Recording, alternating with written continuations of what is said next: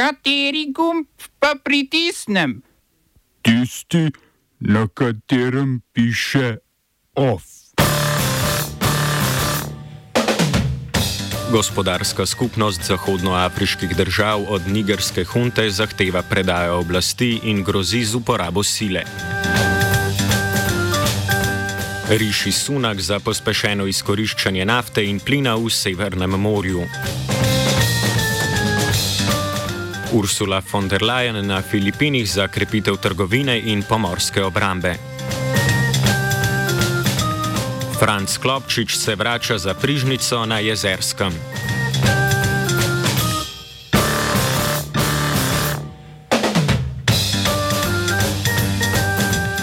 Gospodarska skupnost zahodnoafriških držav, krajše ECOWAS, je od vojaške hunte v Nigru zahtevala naj v tednu dni oblast vrne odstavljenemu predsedniku Mohamedu Bazumu. Proti Nigru so države članice ECOWAS-a uvedle sankcije, s katerimi so prekinile vse komercialne in finančne transakcije z državo. V ECOWAS-u trdijo, da so za vzpostavitev ustavnega reda v Nigru pripravljeni uporabiti vsa sredstva, tudi silo.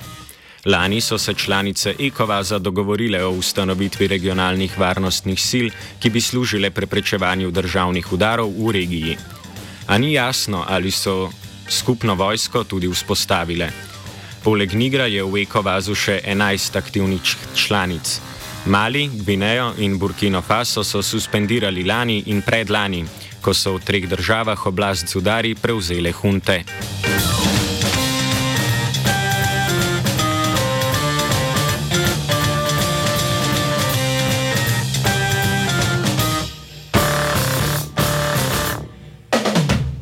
Ukrepe proti vojaški hunti v Nigru, ki je udar izvedla prejšnji teden, sta sprejeli tudi Evropska unija in nekdanja kolonialna gospodarica Francija.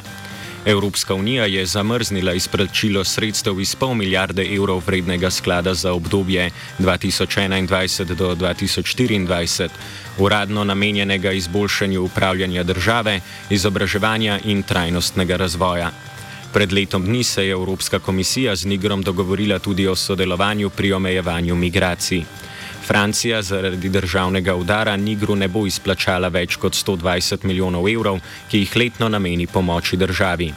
V Niger je lani Francija preselila glavnino svoje vojske, ki se je na zahtevo vojaške hunte morala umakniti iz Malija. Podporo odstavljenemu predsedniku Nigra sta izrazila tudi ameriški zunanji minister Antony Blinken in Afriška unija, ki je hunti za odstop dala 15 dni časa.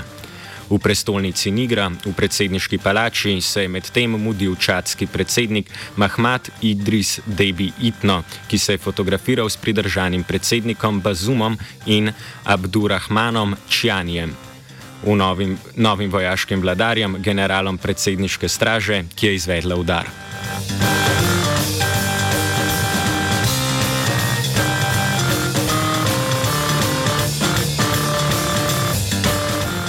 Guverner libanonske centralne banke Rajid Salame se je po 30 letih zapustil guvernerski stolček.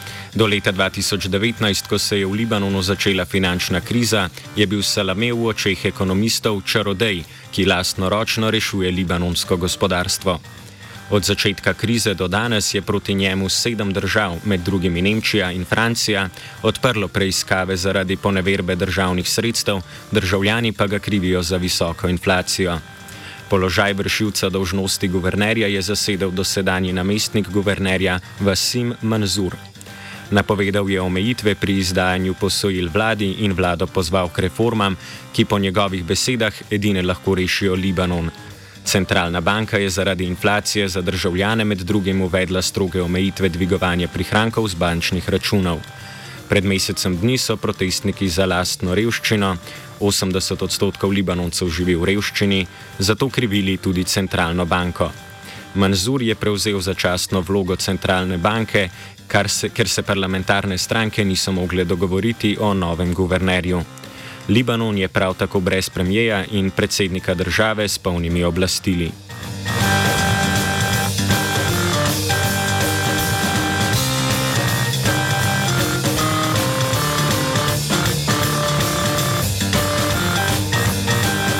V Egiptu sta se srečala palestinski predsednik Mahmud Abbas in vodja Hamasa Ismail Hanje. Dogovorila sta se za ustanovitev skupnega komiteja, katerega glavni namen je spodbujanje sprave med Fatahom in Hamasom.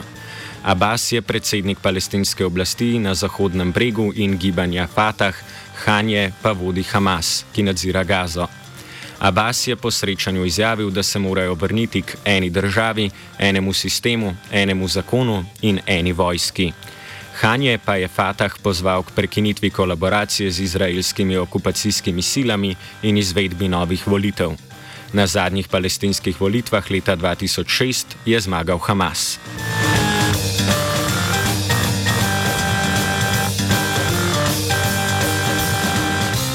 V soboto se je v bangladeški prestolnici Daka odvijal protivladni protest, ki se ga je udeležilo prek 10 tisoč ljudi. Protest je organizirala bangladeška nacionalistična stranka, znana kot BNP, največja opozicijska stranka v državi.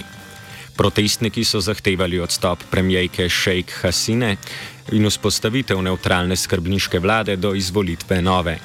Prepričani so namreč, da je vlada pod vodstvom Liberalne ljudske lige leta 2018 vplivala na volilni proces.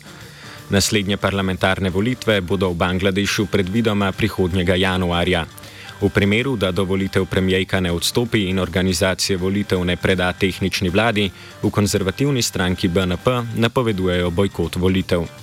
Ker so se na lastno pest odločili sodelovati na junijskih lokalnih volitvah na severovzhodu države, je stranka dosmrtno izključila 43 svojih članov.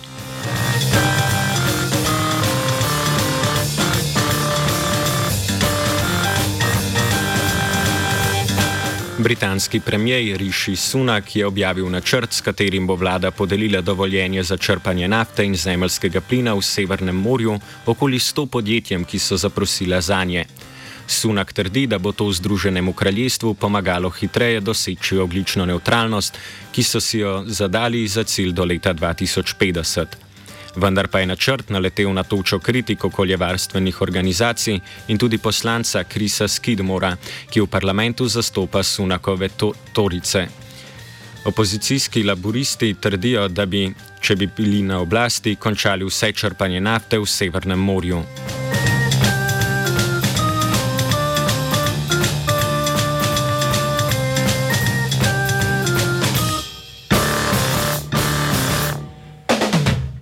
Predsednica Evropske komisije Ursula von der Leyen je kot prva evropska komisarka v 60 letih diplomatskih odnosov obiskala Filipine. Tam se je srečala s predsednikom Ferdinandom Marcosom Mlajšim. Glavni namen srečanja je bil trgovinski sporazum med Filipini in Evropsko unijo, kar je še en v seriji poskusov Evropske unije za zmanjševanje tveganja in diverzifikacije evropskega gospodarstva. Von der Leyen je naznanila tudi pripravljenost Evropske unije za povečano sodelovanje pri pomorski varnosti Filipinov. To bi dosegli z deljenjem informacij, izvedbo ocenjevanja tveganja in povečanjem kapacitet filipinske obalne straže.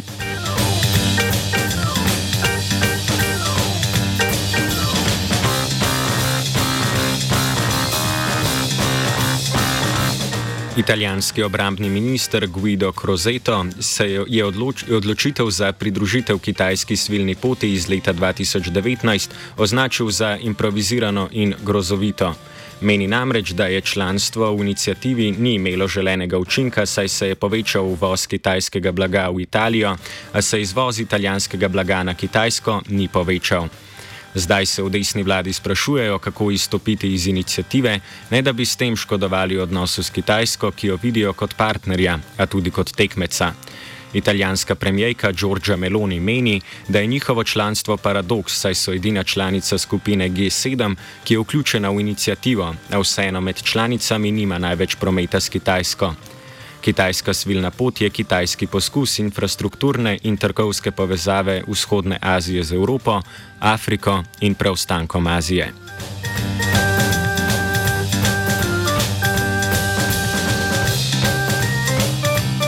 Albanska varuhinja človekovih pravic Erinda Balanka je vlado pozvala k ukrepom za zaščito žensk potem, ko je nekdani mož ubil žensko, čeprav je bila pod policijskim varstvom.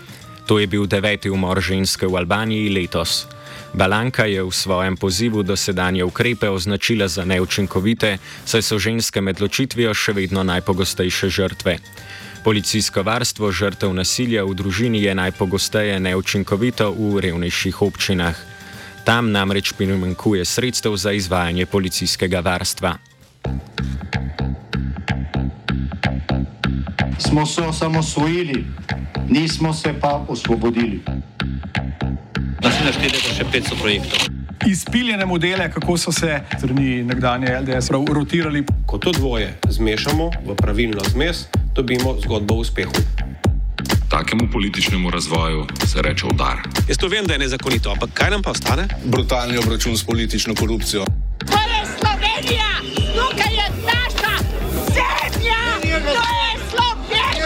Slovenija, Slovenija. Po enajstih letih se v crkv vrača Franz Klopčič, ki je bil leta 2012 obtožen spolnega napada na mladoletno osebo. Okrožno sodišče je leta 2017 obtožbo zavrnilo na osnovi pomankanja dokazov, letos pa je to potrdilo še više sodišče. Zdaj bo prevzel vodenje župnije Jezersko, v kateri je zaradi smrti prejšnjega župnika zadnjega pol leta maševal okoliški župnik Peter Okoliš iz, iz župnije Preddvor.